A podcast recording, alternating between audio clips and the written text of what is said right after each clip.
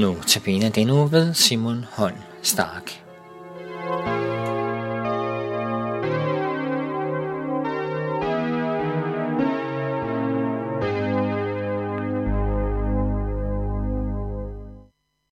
For et stykke tid siden blev der i min kirke vist en kortfilm fra YouTube for at illustrere Guds frelsesplan. Filmen handler om en mand, som har til arbejde at hæve og sænke en bro, så toget kan køre over. Manden har en søn, som han havde taget med på arbejde, og en dag sker der et uheld, så manden står i et frygteligt dilemma. Skal han redde sin søn og lade alle menneskene i toget dø, fordi broen ikke var nede? Eller skal han sænke broen for at redde passagererne i toget, hvorved hans dreng vil blive slået ihjel af broens mekaniske dele? Tolkningen er lige til. Gud valgte at lade sin søn Jesus dø for at kunne redde os. Jesus blev slået ihjel på Golgata, og derved betalte han vores gæld til Gud for al vores synd og ugudelighed og egoisme. Gud kunne ikke redde både Jesus og os. Hvis Jesus ikke var død i stedet for dig og mig, skulle vi selv betale straffen, og så måtte vi lide en evig død, fordi vi har vendt Gud ryggen. Kan man tænke sig en mere vidunderlig virkelighed, at den treenige, almægtige, evige Gud valgte at dø i stedet for mig for at redde mig, i stedet for dig? Ja, det kan man faktisk godt, hvis du spørger mig. Nogen tror nemlig, at alt det her med Jesu død på Golgata var en nødløsning. Gud havde jo skabt mennesket til at leve i Edens have, i fryd og gammen. Men desværre valgte Adam og Eva noget andet, og så måtte Gud finde på en redningsaktion. Der er alt for mange, der tror, at det var en nødløsning, men det passer simpelthen ikke. Og det gør det hele endnu mere vidunderligt. Da jeg så den her film i kirken, kom jeg nemlig til at tænke på et vers fra Efeserbrevet kapitel 1, vers 4, som jeg er utrolig glad for. Der står, For før verden blev grundlagt, har Gud i ham, altså Kristus, udvalgt os til at stå hellige og uden fejl for hans ansigt i kærlighed. Før verden blev grundlagt, står der. Gud havde planlagt at frelse os ved Jesu død på Golgata, inden han overhovedet havde skabt os. Det betyder, at syndfaldet ikke kom bag på Gud, og det gør din synd heller ikke. Intet kommer bag på Gud. Måske har du engang begået en frygtelig synd. Du ved, at der i 1. Johannes brev kapitel 1, vers 7 står, Jesu, hans søns blod, renser os for al synd.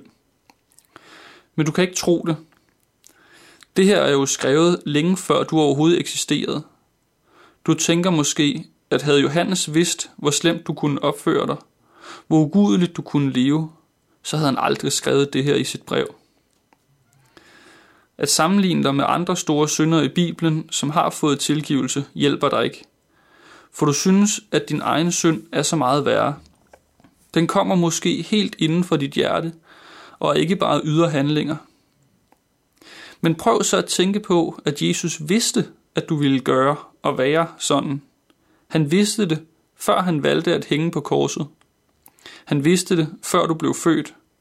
Ja, han vidste det, før han grundlagde verden, at han skulle bære straffen for din synd og skyld, for at du kan stå hellig og uden fejl for Guds ansigt. Dybden af din synd kommer ikke bag på Gud. Jesu kors var også beregnet for din synd. Det kan være, at dit problem ikke er, om Gud kan tilgive dig, men mere om Gud vil. Ønsker Gud virkelig at tilgive dig? Du, som er så kold og ligeglad med Gud. Du, som sidder i kirken og bare venter på, at det er slut. Du, som aldrig får fortalt dine kolleger, at du tror på Jesus. Du, som aldrig har skænket Gud en tanke og bare levet dit liv i egoisme, som det nu passer dig. Vil Gud overhovedet frelse dig? Ja, det vil han. Du er ikke en svipser, hvor Gud må sige, øv, det var ærgerligt. Han er simpelthen værre, end jeg lige havde regnet med.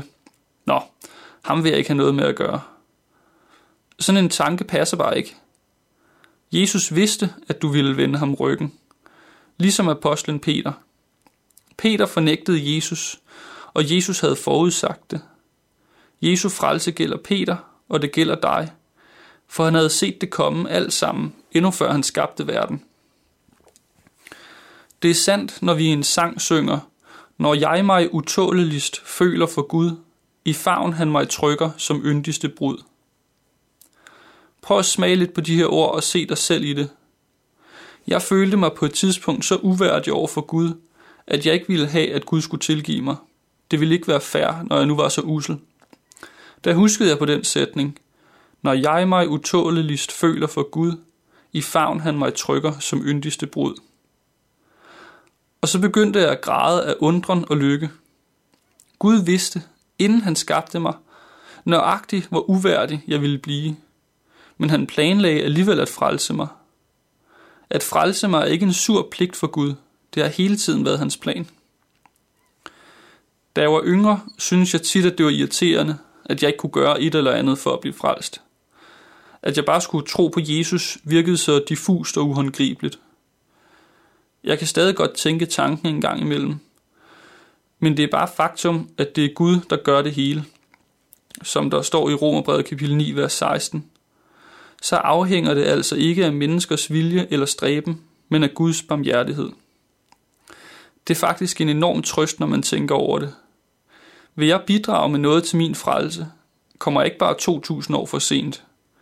Nej, for alt var timet og tilrettelagt, endnu før verden blev skabt. Det betyder så også, at skulle jeg have været i stand til at ødelægge Guds frelsesplan for mig, kommer jeg også en evighed for sent. Hvilken fantastisk og uvurderlig trøst.